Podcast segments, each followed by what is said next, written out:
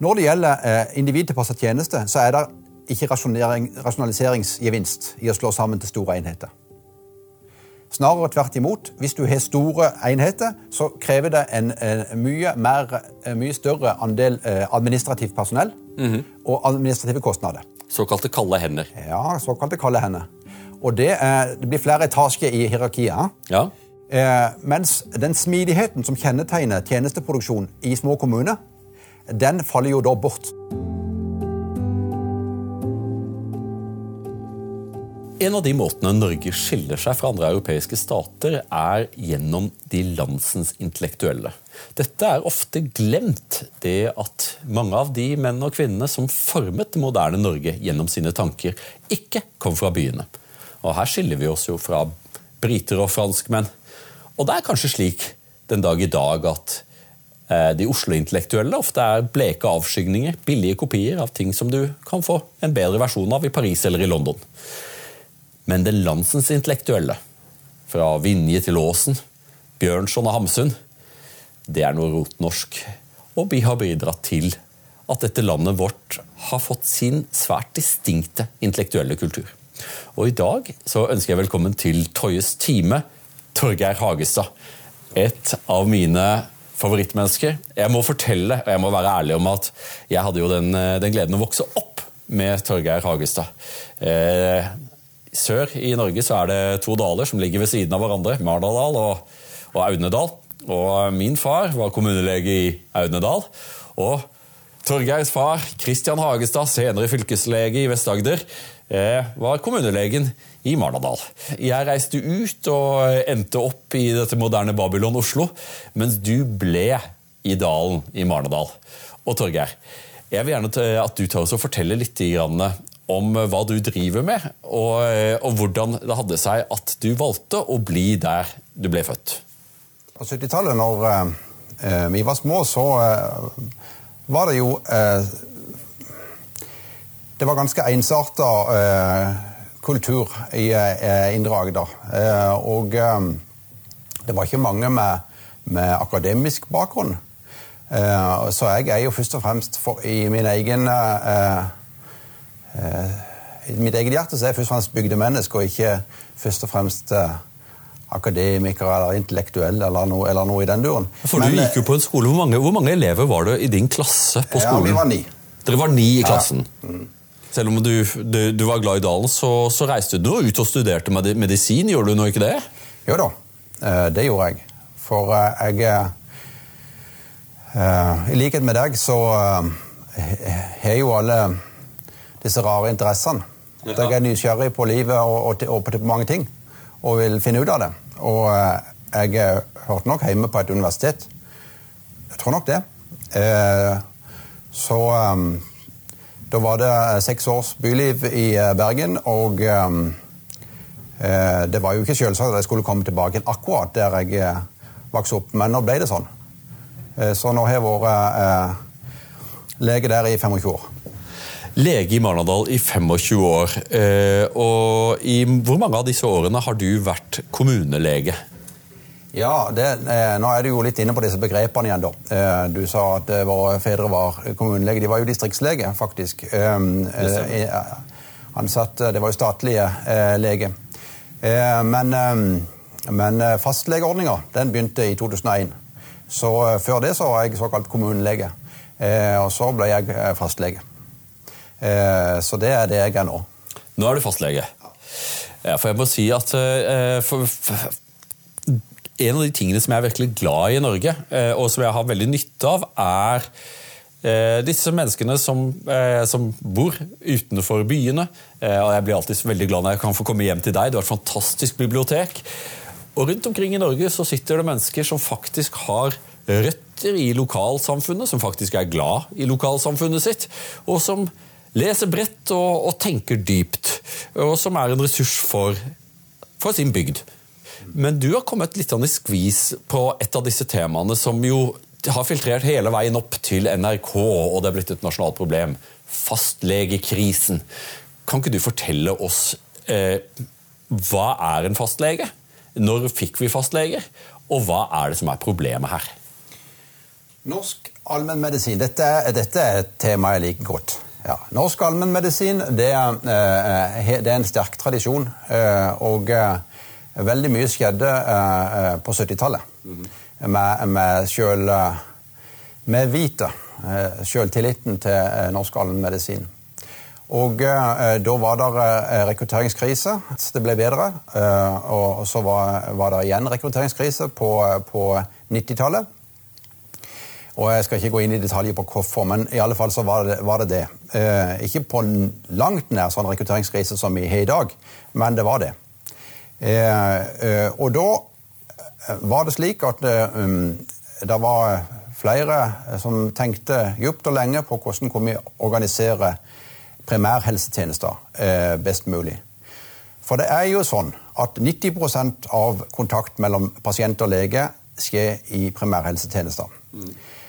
Og eh, av de som blir lagt inn på sykehus, så er det stort sett, kommer de stort sett fra primærlegene. Ja. Eh, og eh, dermed så har primærlegene en sånn nøylefunksjon. Mm. både med, med direkteinnleggelse og henvisning til spesialistundersøkelse. Det styrer veldig mye av den totale ressursbruken. slik at det er veldig viktig å ha dette på stell. Ja. Eh, eller så får man overforbruk. Eh, ja, det en for overforbruk eh, kan en få. Eller få dårlige tjenester òg, i tillegg. Mm. Så dette det er, jo, er jo viktig for befolkninga, for dette er jo noe som folk er opptatt av. ikke sant? Mm. Det å ha en stabil og god lege som de kjenner. Ålreit. Så var det slik at I noen andre land, bl.a. Danmark, så hadde de et system der du hadde liste, og hadde ansvaret for et gitt antall mennesker på ei liste. Slik at du hadde ansvaret for å levere primærhelsetjeneste til et gitt antall mennesker. Det gir jo mening i Danmark. Det er jo så utrolig for høy befolkningstetthet i Danmark. Så det at man kan jo egentlig bare ta eh, at du har alle på A, så tar jeg alle på B. ja, ikke sant. Jo da, eh, det kan du si. Samtidig så er det en del eh, ting som gjør at fast, eller primærhelsetjeneste er enda viktigere i Norge. Da. Og det er det avstanden gjør at det må faktisk fungere, og det må fungere godt og på et relativt avansert plan. Ja. Eh, hvis ikke, så, eh, så, er du ille ute ikke sant, i store deler av landet. Ellers så er, det jo, så, så er det en fare for at de ressurssvake ikke får de helsetjenestene de trenger. Ja, ja. Eller de eh, ressurssterke som bor litt langt unna en, et sykehus. Ja. Og det har jo vært, inntil i alle fall nylig, en uttalt målsetting for alle at vi skal bevare bosettinga i Norge slik bosettingsmønsteret slik det har vært. Ja, for her er jo, Det er litt så viktig at folk forstår at eh, hvor ulikt Norge er Sverige på dette. I Sverige, Hvis du kjører, tar din bil og kjører gjennom Sverige, og du kjører gjennom glesbygden altså det er, det er enorme områder som ganske enkelt ikke lenger er bebygd. Eh, landsbyene ligger tomme. Og En del av eh, Norges oppskrift har jo vært at vi har bevart bosetningsmønsteret. At det faktisk er lys i husene, eh, også utenfor Ring 3. Norge er eh, så absolutt eh, ulik Sverige på det området. Eh, der er, der er jo historiske årsaker til det.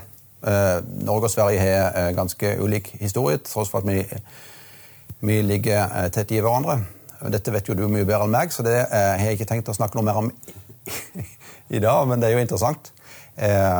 Det, det er jo av veldig stor verdi for eh, eh, Norge, og for at vi er det landet som vi er. At vi er eh, eh over hele landet. Vi har eh, tatt hele landet i bruk, rett og slett. Det er forvaltning. Det er beredskap. Eh, det er kultur. Mm. Så for meg er dette kjempeviktig. Men nå spurte vi jo litt da, da for det var jo dette med primærhelsetjenester og, og, og avstand i forhold til Danmark. Men, men ehm, eh, jeg var midt oppi en sånn der greie med, med eh, hvorfor det blir fastlegeordning. Ja. For fastlegeordningen blir innført i 2001, ikke sant? Ja, det stemmer det. 1. juni, tror jeg. Eh, og ehm, eh, da var det et sånt system at eh, du fikk en tilskudd per pasient på lista. Det måtte ikke være for eh, høyt, for da stimulerte du til å ha veldig lange lister og gjøre lite med folk. Det måtte ikke være for lågt, for da stimulerte du til overaktivitet og overhenvisning. og Vi er jo slik at uh, vi mennesker at vi gjenger jo etter de økonomiske insentivet. Insentivet funker, ja. Uh, ja, det funker. Så uh, da ble det en sånn løsning på det at det, 30, det skulle være 30% av totaløkonomien. Mm. Så det som skjedde, var at alle var vel fornøyde, og dette fungerte effektivt og greit i flere år. I flere år. Hvor lenge vil du si at, at fastlegeordningen leverte som intendert? For jeg forstår det dit hen at du, tilhenger, du, var tilhenger av dette da det ble innført? Ja. Sånn som det ble rigga, ja. Så var jeg tilhenger av det. Ja. Ellers så tror jeg det går an å rigge på andre måter men, men det, jeg tror det er et veldig godt system. Ja. Eh, og dette med ansvar eh, tror jeg fungerer veldig godt hvis du i alle fall he, ikke har ansvar for mer av det du kan håndtere. ikke sant? Ja. Eh, det som, eh, jeg tror det er et sånt uh, skifte der med, med innføringa av um, Samhandlingsreformen der eh, mange av de oppgavene som sykehusene tidligere hadde eh, eh tatt hånd om, ble overført til kommunene. Eh, og eh, eh, Ellers er det jo noe med den generelle utviklinga. Vi blir eldre, vi lever lenger med sykdom og med, med, medikasjon. slik at det er en generell utvikling med økt antall konsultasjoner per innbygger i utgangspunktet. Ja. Eh, men så kom det en, en, et lass med nye oppgaver. Og det var eh, i forberedinga til denne samhandlingsreformen, som jo er et godt prinsipp. Lågest mulig effektive nivå ikke sant, på ja. oppgaver. Eh, eh, men da, da, var det allerede eh, i, i, i forberedinga eh, så innså en at en trenger flere fastleger. Mm -hmm. Det ble anslått at det var 2000. Mm -hmm. Problemet var at de kom aldri. Aha. Hvorfor kom de ikke? Utdannet man dem ikke? Mm, nei, det, var, det ble, ble, ikke gjort tiltak for uh, uh, å rekruttere flere. Er, uh, dette, økonomien i fastlegeordninga er vel hovedårsaken. da. Mm. Den da, var allerede da i fritt fall. ikke sant? Slik at, at Det var ikke lenger slik at dette fastlegetilskuddet dekka driften, som var utgangspunktet. Mm -hmm. det, det, ble et større, stadig større og større gap her. og hvis du hvis du eh, kommer i en situasjon der du må eh, arbeide mer og mer eh, for å, å, eh, gjøre det du har ansvar for, eh, og du opplever at du etter hvert har problemer med å, å håndtere arbeidsmengden, og økonomien eh, snarere blir dårligere samtidig, så er det klart at det virker negativt rekrutterende. og så er det jo mange andre utviklingstrekk, f.eks. økt antall kvinner eh, på, på medisinstudiet som har andre preferanser for, eh, for eh, type arbeid enn en menn. Og òg generasjonsforskjeller. Ønsker ikke å arbeide like mye, f.eks. Så det var flere utviklingstrekk som løp sammen. Og så har dette bare eskalert. ikke sant? Slik at I 2018 så var det en tidsbruksundersøkelse som viste at gjennomsnittlig arbeidstid for en fastlege var 56,7 timer i veka. -hmm gjennomsnittlig. Eh, så 25 eh, over 60 timer og 10 eh, over 75 timer, tror jeg. Mm. Og, det ikke, og det er aktivt arbeid, altså. Det er ikke noe, her er noe poeng at, at, skal, at det er noe å, å, å, skryte på ingen måte. Det er faktisk veldig negativt. fordi at det blir ikke godt arbeid av sånt. Og det blir ikke attraktive eh, eh, plasser å være heller. Jeg snakket med min fastlege, som fortalte at under eh, koronakrisen så knakk hun nesten sammen pga. at arbeidspresset ble så stort at det handlet ikke om penger. Hun tjente gode penger, det var ikke det. Men saken er at du kan ikke, du kan ikke jobbe tolvtimersdager seks dager i uka i seks måneder hvis du er et voksen menneske uten at det, får, at det får en fysisk og mental pris. Og så til slutt så kan du ikke klare dette lenger. Eh, og jeg har inntrykk av at det kanskje var en del leger som opplevde at de bare ble slitt i stykker av alle de kravene som kom med det å være fastlege. Ja, det tror jeg du er rett i. Og så tenker jeg det at samtidig, Grunnen til at det er, helt, det folk igjen her i ordninga, det er jo det at eh, det er jo en fantastisk jobb. Tenk så flott en jobb. At du eh, kan få lov til å, å delta eh, eh og være eh, viktig i mange menneskers liv. Eh, at det her kommer folk inn. De er ikke kledd i hvitt som på sykehuset, men de er kledd i De lukter olje eller fjøs eller eh, skog eller hva som helst. Ja. Eh, eller, eh, og de, de, kommer rett ifra virkeligheten og ut igjen i virkeligheten. Ja. Og så har de eh, en, en eh, ting de vil ta opp med deg, og så kan du forhåpentligvis spille en rolle. og så kan det være smått, eller det kan være veldig stort. Det kan være livskrise. Ikke sant? Og det, og det er jo et privilegium. Så det er verdens beste jobb. men det blir tidvis noe mye av han. Jeg synes å huske at eh, da Høyre gikk i regjering og Bent Høie ble helseminister, så lovet han at han skulle rydde opp i fastlegeordningen. De visste at det var en krise i dette. De så at rekrutteringen sviktet. De så at stadig, eh, stadig flere endte opp utenfor fastlegetilbudet. De skulle ordne opp i det. Eh, jeg trodde at de gjorde det. Vel, de gjorde de ikke det? Nei, de eh, gjorde jo ikke det, da. Eh, Bent Høie sa det før han ble helseminister, at han, det var veldig viktig å få prioritert eh, for at det, det var krise, og det var det allerede da. Og Kjerkol sa jo akkurat det samme. Og det var det, det, det de sier jo de har gjort ting, men det er jo Det, det monner ikke i det hele tatt. Og nå er det krise, og nå ramler de jo sammen. 235 000 mennesker var det siste tallet jeg så, som sto uten fastlege. Det begynner å bli et uh, ganske stort antall. Mm. Um, det er slik at Hvis du har hatt en fastlege i 15 år, ja. da er din sjanse for å bli lagt inn på sykehus redusert med 28 hvis, hvis du har fastlege? Hvis du har hatt fastlege i 15 år, ja. sammenligna med de som har hatt en fastlege i under et år. Eh, altså den samme. 28 ja, Hvis du har hatt den samme fastlegen i over 15 år, og sjansen for å dø er redusert med 25% Wow. Ja, dette, dette er eh, eh nylig forskning som er vakt det er norsk, som er vakt internasjonal oppsikt, faktisk. Eh, så eh,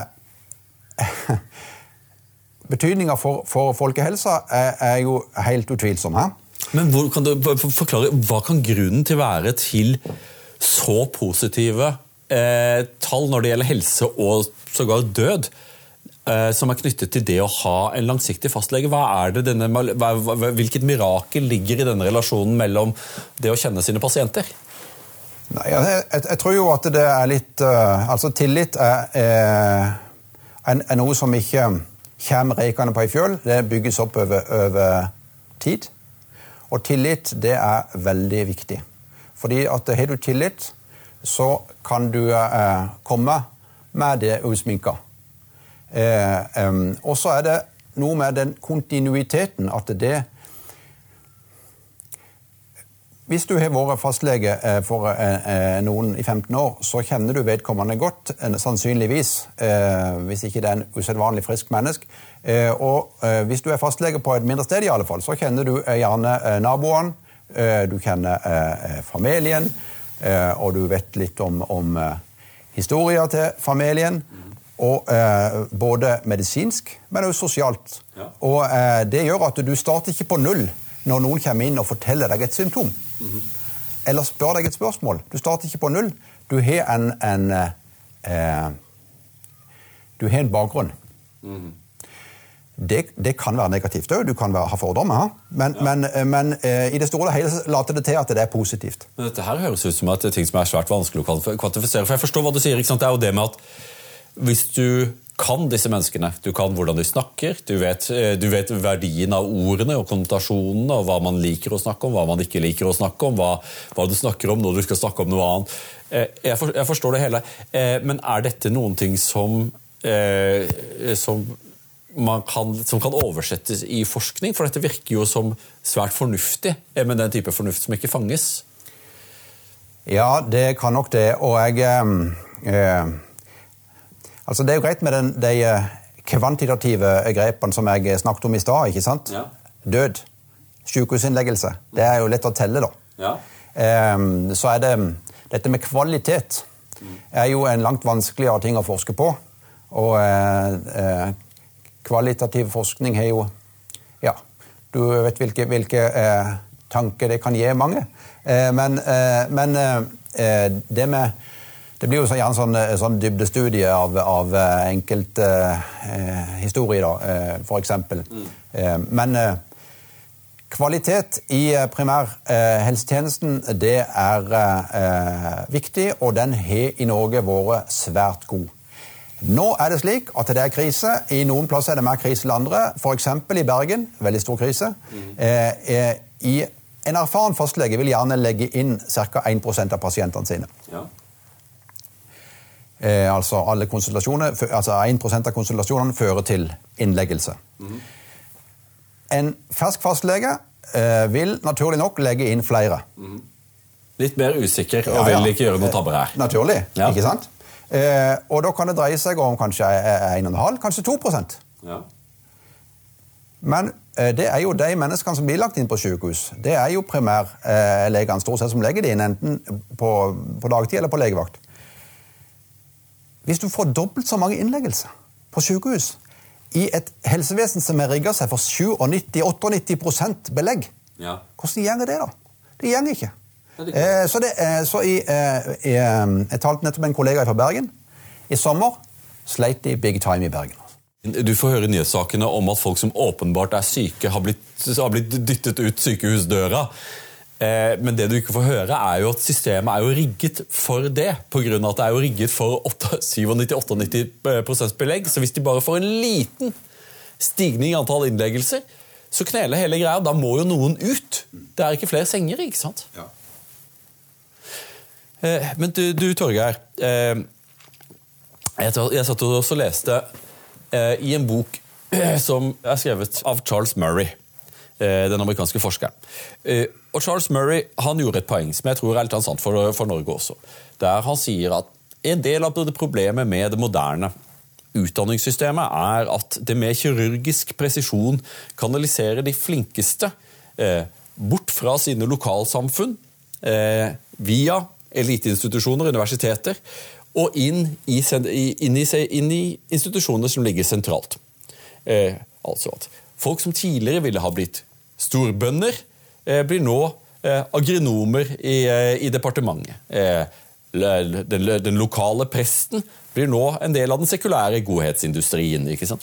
Eh, og Charles Murray mente jo at en del av det demokratiske problem som ligger i, i vår tids endeløse eh, forferdelser og brytning ligger i at stadig flere eh, og, og, bredere lag føler at de mangler representasjon. Og det mener Murray er pga. at man mister sine lokale eliter. Altså at de folkene som bor i Aunedaler eller Marnadal, eh, de folkene som har utdannelse og dannelse til å kunne bidra og kunne representere bygda i møte med sentrum, de finnes ikke mer. Men i Marnardal så, så fantes jo du. Eh, og du forsøkte jo å representere bygda di i en stor sak eh, som ligger meg også eh, så Som jeg har jo blitt kjent for å være i Norge, så, eh, så har jo folk en del sånn ideer om hvor jeg står. Og, og jeg er veldig motstander av kommunesammenslåingene og sentraliseringen. Eh, som kanskje vil overraske enkelte.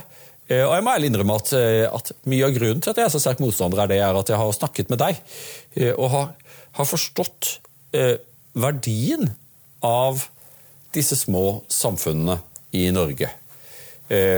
Og du forsøkte å argumentere stringent, både lokalt og nasjonalt, mot en kommunesammenslåing der Marnardal i siste instans opphørte. Kan du fortelle litt om denne prosessen? For dette er litt Det er veldig interessant, eh, men det er også litt skremmende, vil jeg si. Ja. Eh, det er et eh, stort tema. Altså Det er jo en, kommunen, Norske kommuner har jo en lang historie. Tilbake til 1837. Og det er Det var først rundt eh, ja, 392 kommuner, vel. Og så eh, ble det til mange flere. Og så kom der en, en svær reform. Av hovedsakelig to ting etter krigen. Og det var altså Eller på 50-tallet. Og det var andre type kommunikasjonsmåter. Altså der ble bygd veier. Der, og eh, det som tidligere var, var kanskje båttrafikk, ble, ble nå erstatta av veier og tunneler. Og det ble bygd hovedveier over hele landet. Og så skulle det innføres en sånn grunnskolereform. Så dette, eh, for at eh, kommunene skulle håndtere dette, så ble det nedsatt en, en komité som skulle se på kommunestrukturen i hele landet. Mm. Ledet av Nikolai Skei, en fylkesmann i Møre og Romsdal, tror jeg. Og den kan en si mye om. Fordi den så nok mest på kommunikasjonslinje, mindre på kulturell, kulturelle historie rundt forbi. Og det førte til en del eh, danninger som um, bl.a. du kjenner til. Eh, ja, for Vi kan få hoppe ja. inn med det. Dette er noe som lett kan høres ut som noe som er bisart og, og, veldig sånn eh, provinsielt, men ikke sant. Jeg kommer fra, fra Audnedal. Audnedal eh, er en Skje-kommune der Grindheim ble slått sammen med Konsmo. Eh, i dette dalstrøket, så omtrent eh, midtveis i dalstrøket, så går et kjempestort kulturelt skille mellom kystkultur og fjellkultur. Og det kan du se i hvordan folk bygger husene sine.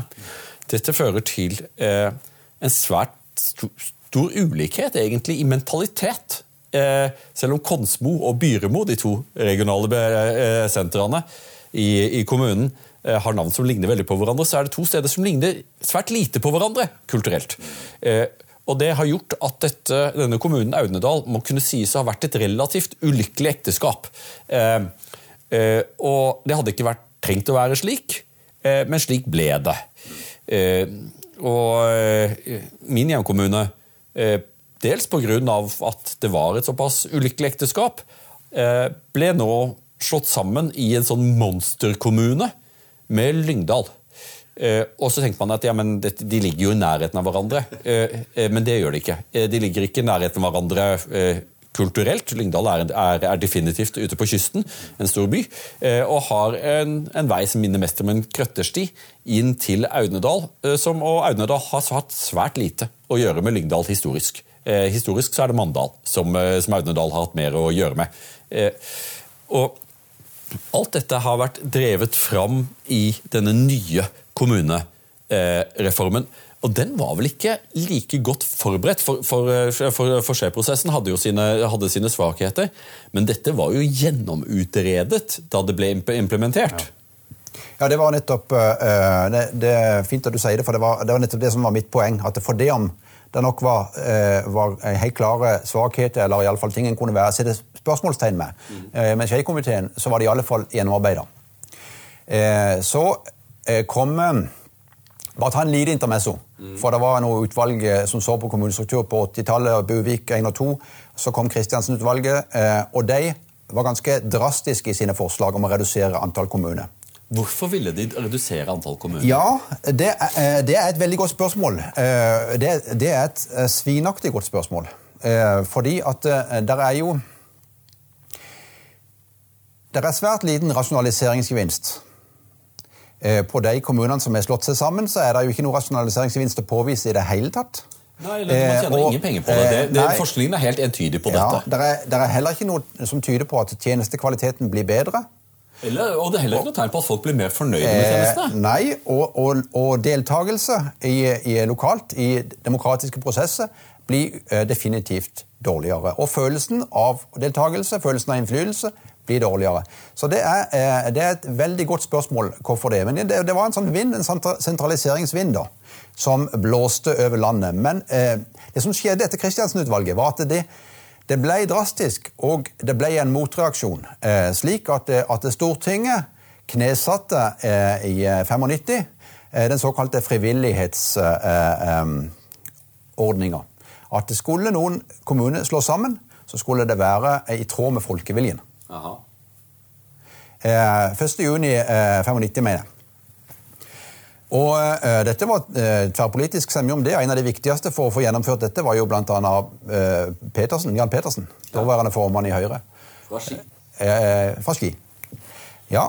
Um, så kom altså Erna Solbergs regjering og Sanner, og, og, um, og igjen Kommunesammenslåing er svaret.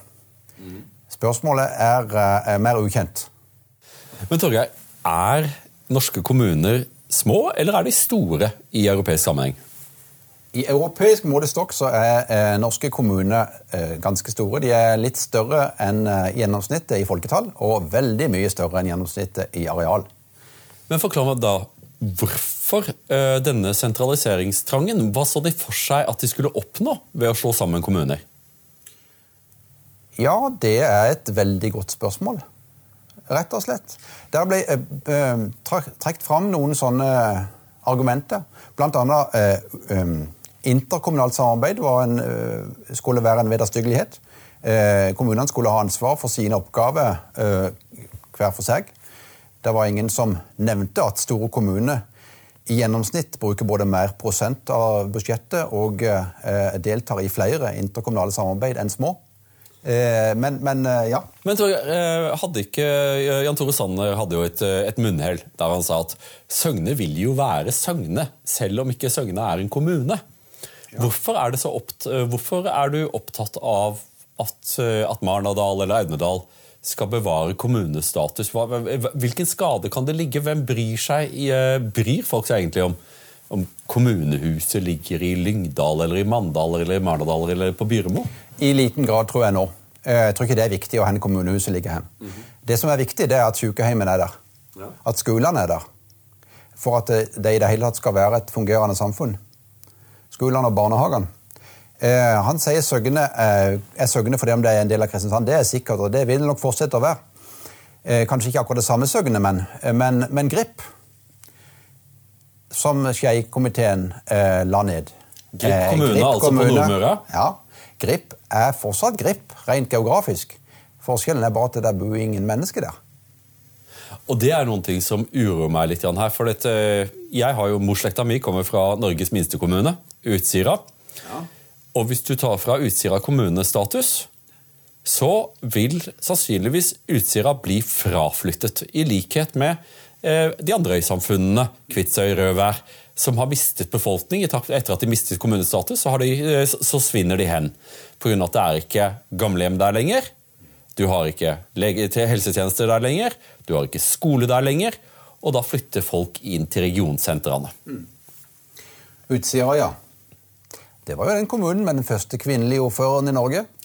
Ja, eh, jo, eh, de, snakker, de, snakker, mye om, ja. om, ordføreren, men de glemmer jo naturligvis at, eh, at en av mine formødre eh, satt i det kommunestyret også.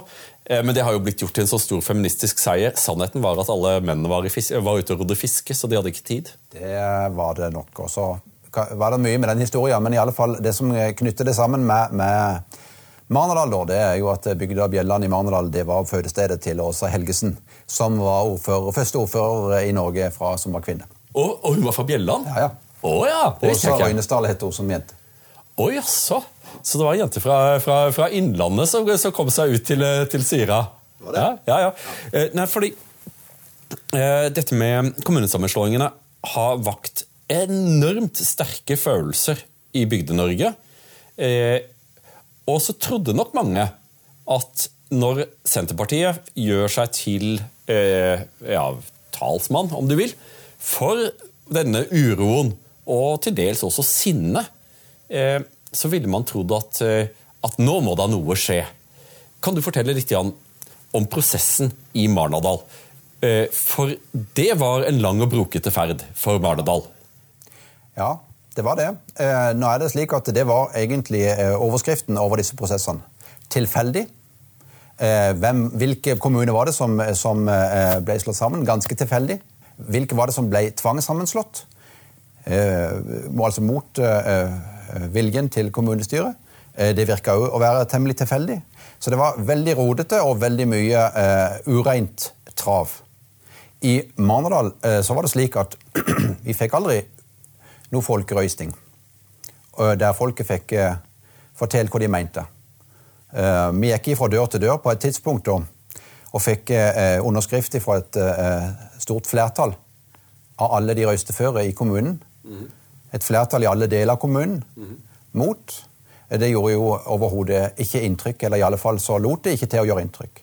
Um, slik at um, når Tallene fra en sånn spørreundersøkelse på telefon var klar. Eh, samme dag som et kommunestyremøte så eh, var det rett og slett et kupp der eh, det ble vedtak om sammenslåing med Mandal og, og Lindesnes på et benkeframlegg. Eh, som uten eh, saksforberedelse offentlig. De hadde ikke utredet dette, de hadde ikke lagt foran utredningen, de bare vedtok det. Ja. Det var en del prosesser i forkant, men det, det forslaget kom som benkeframlegg helt uten eh, saksforberedelse. Ja, for Dette høres jo ganske demokratisk problematisk ut. Fra Audnedal så var det slik at man hadde en folkeavstemning, men folk stemte ja til å slå seg sammen med Hegbostad og, eh, og Lyngdal.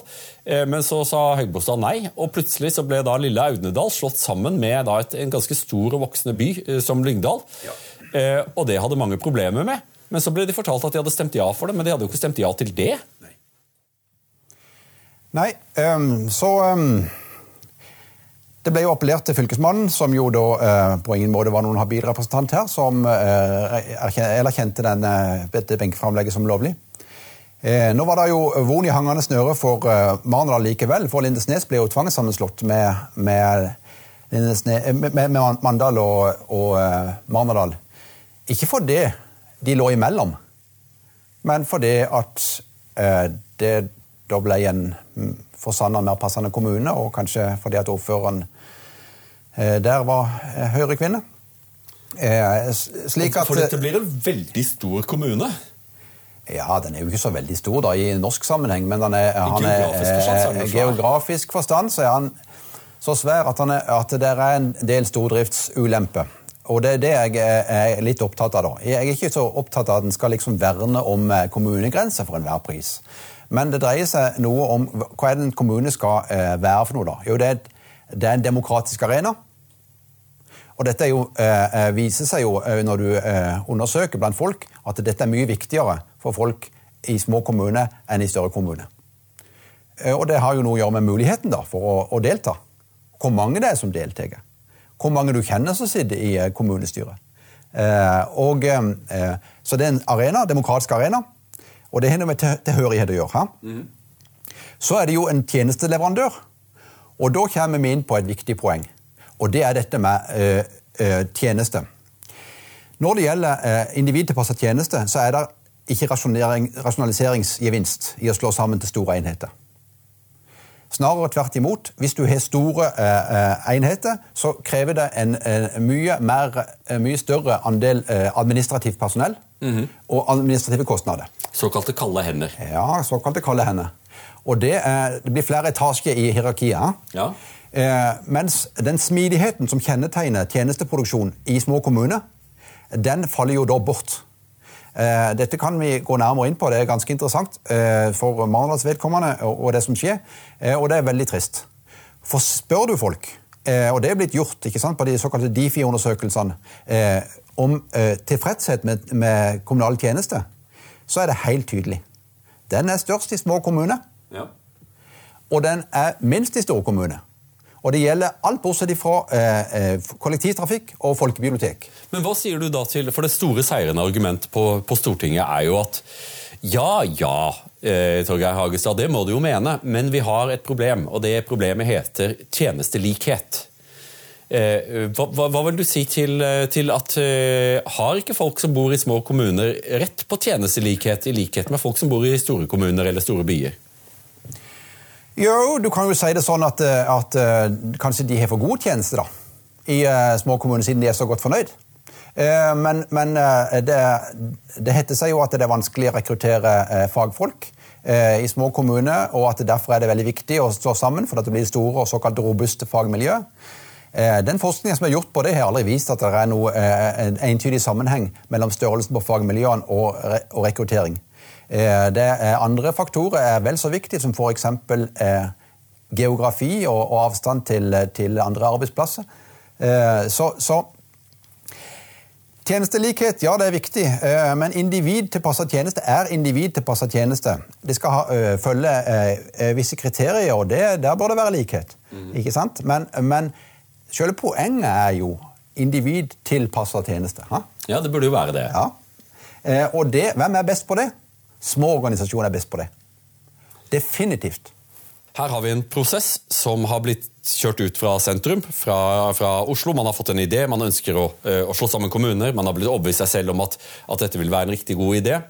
Eh, og så er det en del urent trav i mange kommuner for å få dette til.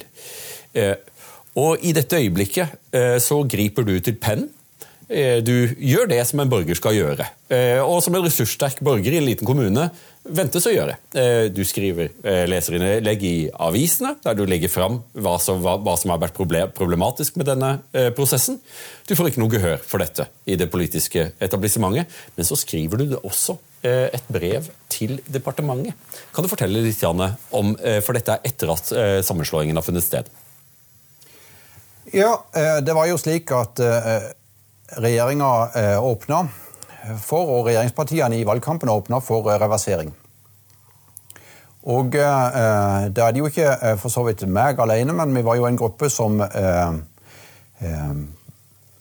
først prøvde å få i gang en, en folkerøysting mm -hmm. via et opprop, innbyggeropprop, til, til kommunestyret i Nye Lindesnes.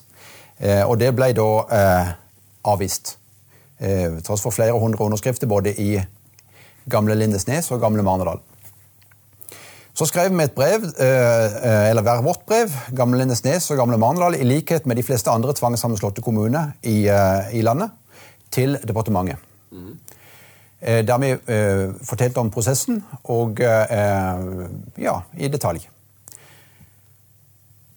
Så, eh, som de fleste kjenner til fra media, så, eh, så eh, er det nå bevegelse i Søgne og, Søgne og Sogndal og Kristiansand. Mm. Og det er det.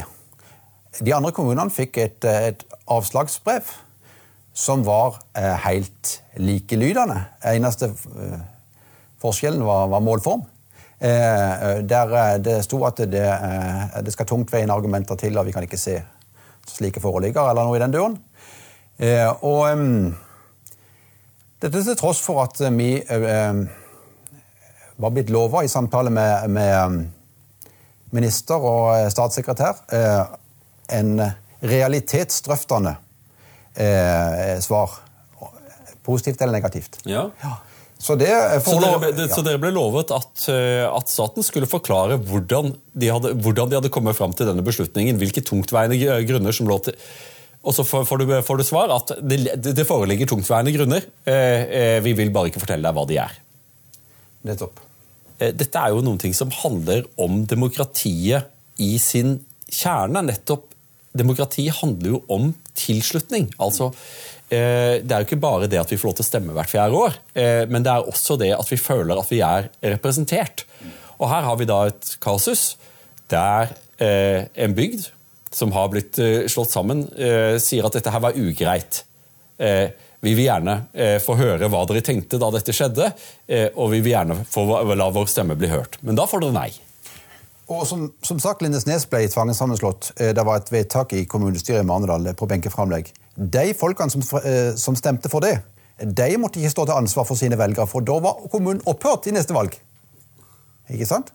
Så det er ikke noen demokratisk eh, prosess i dette i det hele tatt. Eh, det utfordrer demokratiet. Det utfordrer rettsstaten. Inndelingslova er ganske klar. Du trenger ikke å eh, være eh, så avansert jurist for å, hvis du leser inndelingslova, skjønne at folkeviljen er sentral i, ved, ved grenseendringer i Kommune-Norge. Og så hadde du det slått fast i Stortinget allerede i 95 at det skulle, skulle gjelde. Så så der, eh, det blir bare sett bort ifra. Demokratiske og juridiske eh, eh, hindre blir bare sett bort ifra, og ting blir bare tredd ned. Hva, hva gjør det med, med folks demokratioppfatning, tillit? Som jo er det, noe av det viktigste vi har i dette landet. For Det ligger jo en slags konservativ sannhet eller, eller dyp innsikt i dette. At noe av den norske demokratiske seiersoppskriften Nå ble vi ranket som det mest demokratiske land i verden ligger jo nettopp i, eh, i de mange små blomstrende samfunn, i lokaldemokratiet, som manifesterer seg på et høyere nivå i det nasjonale demokratiet. Eh, men det er da farlig å stille borgerne i en situasjon der de står maktesløse overfor et system som ikke vil forklare seg? Ja, det er farlig. Det er jo uh, løftebrudd, og det, er uh, Folk blir, resignerte, desillusjonerte, og enten så lar de være å stemme, eller så stemmer de på de som protesterer høyest. Mm -hmm. og det Ja. Du har jo et godt uttrykk, du, Asle, som heter 'bly i kjølen'. Ja. Og det er jo en måte å um, ha et slags konservativt blikk på, eller en konservativ teori, kanskje. Mm. Eh, og eh, dette er jo det motsatte. Dette her er jo eh, en sånn kork, en dupp, på et opprørt hav. Som kastes fra side til side. Og det er jo å spille poker med, med det demokratiet i Norge. Det er ikke greit. Nei, for det, det er jo, Jeg snakket jo med Aslak Sira Myhre.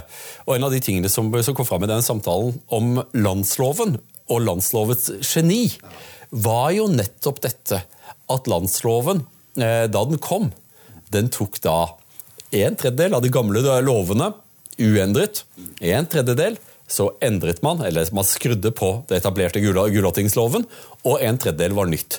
Og denne, denne, oppskriften skapte lov som virket i landet i mange hundre år, og som ble ekstremt viktig senere eh, i Norges trang til uavhengighet pga. at vi hadde våre lover, og de ble oppfattet som våre lover.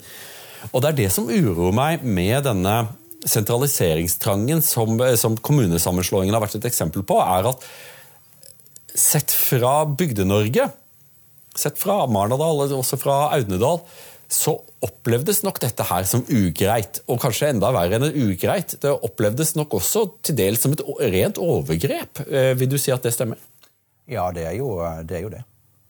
Vi, eh, vi hadde et valg Eh, Senterpartiet gjorde et godt valg, kanskje ikke så godt som de hadde, de hadde håpet. Eh, men så var det nok mange som hadde regnet med at, eh, at tvangssammenslåtte kommuner, eller kommuner som frivillig hadde slått seg sammen gjennom svært lite gjennomsiktige prosesser, ville få en mulighet til å det er et stygt ord å ta omkamp, men i alle fall til å, til å gå tilbake til den beslutningen og se, det, og se, om dette her var det som folk ville ha.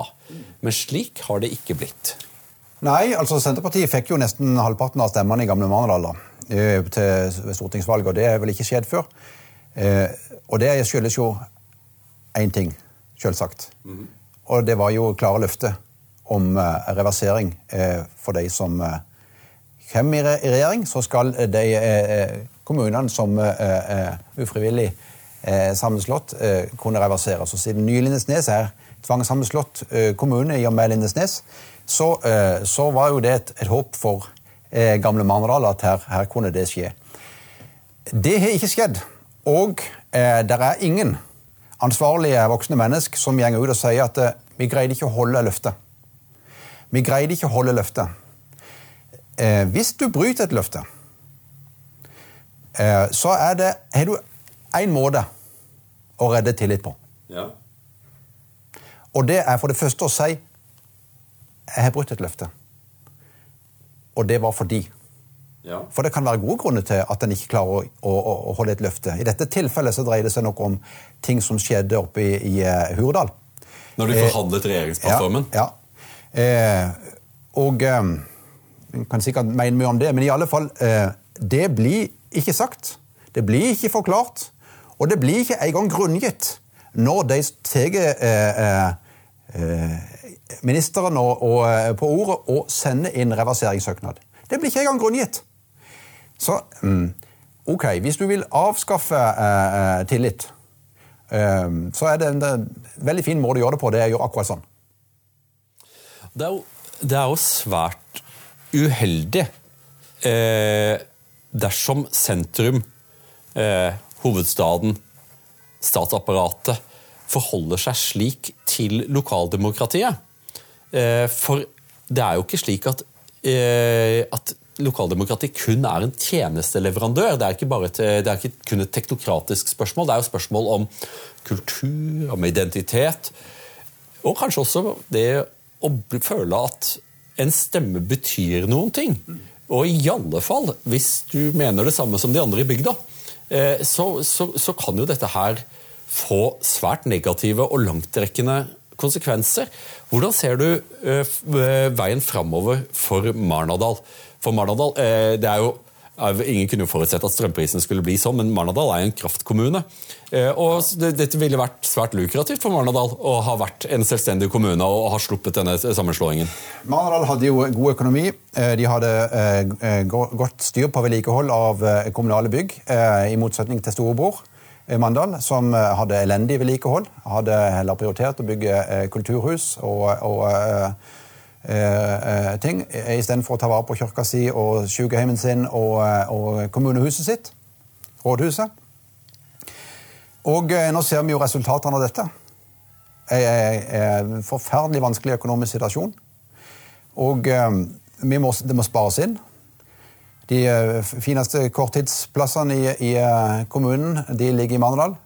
Dette var styrt av heimesykepleien i en veldig god og smidig ordning. Eh, der eh, heimesykepleien hadde ansvar for korttidssengene. Og eh, der tjenestetildeler var på, på, kontoret og sirkulerte og hørte alt som, alle premissene. Dette, først mista vi tjenestetildeler til et sånt kontor der en måtte skrive brev for å få tak i dem. Og nå legger de ned korttidsplassene. Så, og det skjønner jeg godt. altså De som står bak dette, de er jo nødt til å spare 50-60 millioner. Så, så er Logikken er der jo. Men eh, tjenestene eh, blir dårligere. Og det, det, er klart, det vil fortsette. Er En, eh, foreløpig er det ikke skjedd så veldig mange ting. Du mister tilskudd til brøyting av private veier, som jo i Marnedal, der folk ble stimulert til å bosette seg der de hadde lyst, var en ganske viktig ordning for, for mange. Og det vil bli endra noen skolegrenser, men ikke så veldig eh, store endringer foreløpig. Det kan komme. Eh, allerede i dag så, så må disse barna, veldig mange, på lange bussreiser. Er, det var slik at vi hadde en ordning med at det var fri på onsdager for de minste barna på skolen. Og når de fleste må i buss, så er det heldagsskole fem dager i veka. Det er ganske tøft for seks- og sjuåringer, særlig gutter. Eh, det var en, en, kjempevelkommen ordning, et stort flertall som ønska det i Marnardal. Og fortsette å ha det. Det ble eh, eh, sabla rett ned, og det visste vi jo ville skje. Eh, um, fordi vi er jo i 2022, må vite. Og det er jo de gode argumenters eh, tid. Vi er i 2022. Eh, nå skal det jo sies at Det har jo alltid vært et argument. Nå er det jo 1922, må du vite. Nå er det 1822, må vi vite. Vi er kommet så langt. Men jeg må ta så sånn avslutningsvis vende tilbake til der vi startet. Eh, med Norge som et land der folk sitter rundt omkring i det ganske land, mennesker som er ressurspersoner, som leser bredt og tenker dypt, og som har hatt en rolle der de eh, til dels representerer bygda overfor sentrum, representerer periferien overfor sentrum, men også har vært eh, den som forklarer sentrum overfor periferien, fordi man leser bretten. Så man er eh, ressurspersoner i sitt lokalsamfunn. Og du har vært en av disse. Kan du fortelle litt om den, din erfaring, hva du sitter igjen med etter at du har engasjert deg i dette spørsmålet som du bryr deg om, altså mange i bygda bryr seg om, og det går ut for at det er noe grunn til at du har engasjert deg.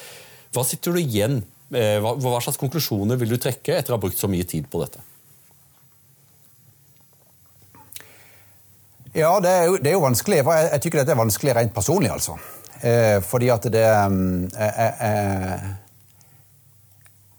jeg, jo, jeg, engasjerer meg jo fordi at jeg bryr meg om og, og samfunnet rundt meg. Eh, og eh, jeg har jo hatt tillit til at i Norge så fungerer det etter rettsstatsprinsipp og etter eh, demokratiske spilleregler. Og så opplever du at det motsatte faktisk er tilfellet i en viktig sak. Og for meg, sånn rent personlig, da, eh, så betyr jo det at jeg eh, Jeg kan jo ikke eh, fortsette med dette. Da får jeg ikke sove om natta. Så Men, men det, det, det lover ikke godt for, for et levende Bygde-Norge. Norge har en, en flott historie egalitarisme, ikke sant? Likhet. Eh, eh, sånn økonomisk sett, mener jeg. lite sånne store forskjeller som det er i mange andre land. og motkultur, ikke sant. Viktig for i nasjonsbygginga med hele Vestland og målsak og forholdssak og, og lekmannskristendom. Og, og, og, og dette, er ofte, dette, er ofte, bevegelser som kommer ifra, ifra grunnen. ikke sant? Ja. Dette er ikke noe som sildrer ned ifra noe greier oppe i, i, i Oslo, men dette er som kommer opp ifra, ifra grunnen. Eh, og eh, vilkåret for, for, for eh, eh nasjonens videre eh, åndelige helse, den eh, Ja, det er jo blitt dårligere. Jeg synes det er sånn interessant at Du husker kanskje de gule vestene i Frankrike? Ja. Eh, en stund så var det sånn at alle, alle, i Paris lurte på hva er det de er så sinte for. Kan de være så sinte pga. en drivstoffavgift? Eh, og så hadde de en stor, eh, en stor lytteprosess der eh, president Macron engasjerte seg. Men han fortalte egentlig aldri hva hans konklusjon var, og hans konklusjon var den rette. Han konkluderte at Paris hadde fått tilsugd seg altfor mye makt og svekket provinsene og de lokale, lokale samfunnene altfor mye. Det hadde skapt en utstrakt grad av maktesløshet eh, i, i, i, de franske periferiene, som ga seg utslag i uforsonlig fiendskap mot sentrum. Og, eh, og, eh, og, og, en vilje til å bare sabotere. Og han konkluderte at makten nå måtte føres bort fra sentrum, tilbake til periferiene. Tror du at det er noen mulighet for at vi kan få en leder i Norge som har den samme grad av klokskap? Man trenger jo ikke å erkjenne det, det ville vært fint om de gjorde det, men men at de i det minste gjør det. Ja, altså det er jo slik med, med, med politikk og, og, samfunnsutvikling at ting kan jo gå i, i uh, pendelbevegelse. Så uh, det er jo absolutt mulig, det. Uh, men kanskje dette var ja, Jeg er jo 52 år, da, så dette, men det var kanskje i, i min kamp, dette. og den Den det får være noen andre da, som tar den. Jeg håper at du vil fortsette å engasjere deg for, eh, for Marnardal. Eh, jeg forsøker eh, i den grad jeg kan å representere Audnedal her, her, i Oslo. Jeg tror at Norge fortsatt trenger folk som er glad i bygda si, og som også forstår hva som er fint ved å bo i dette langstrakte landet, som er så rikt på mangfold men ofte den type mangfold som er vanskelig å kvantifisere for samfunnsvitere. Torgeir Hagestad, det har vært en glede å ha deg her på Toyes time. Det har vært en glede å være her. Tusen takk til Asle.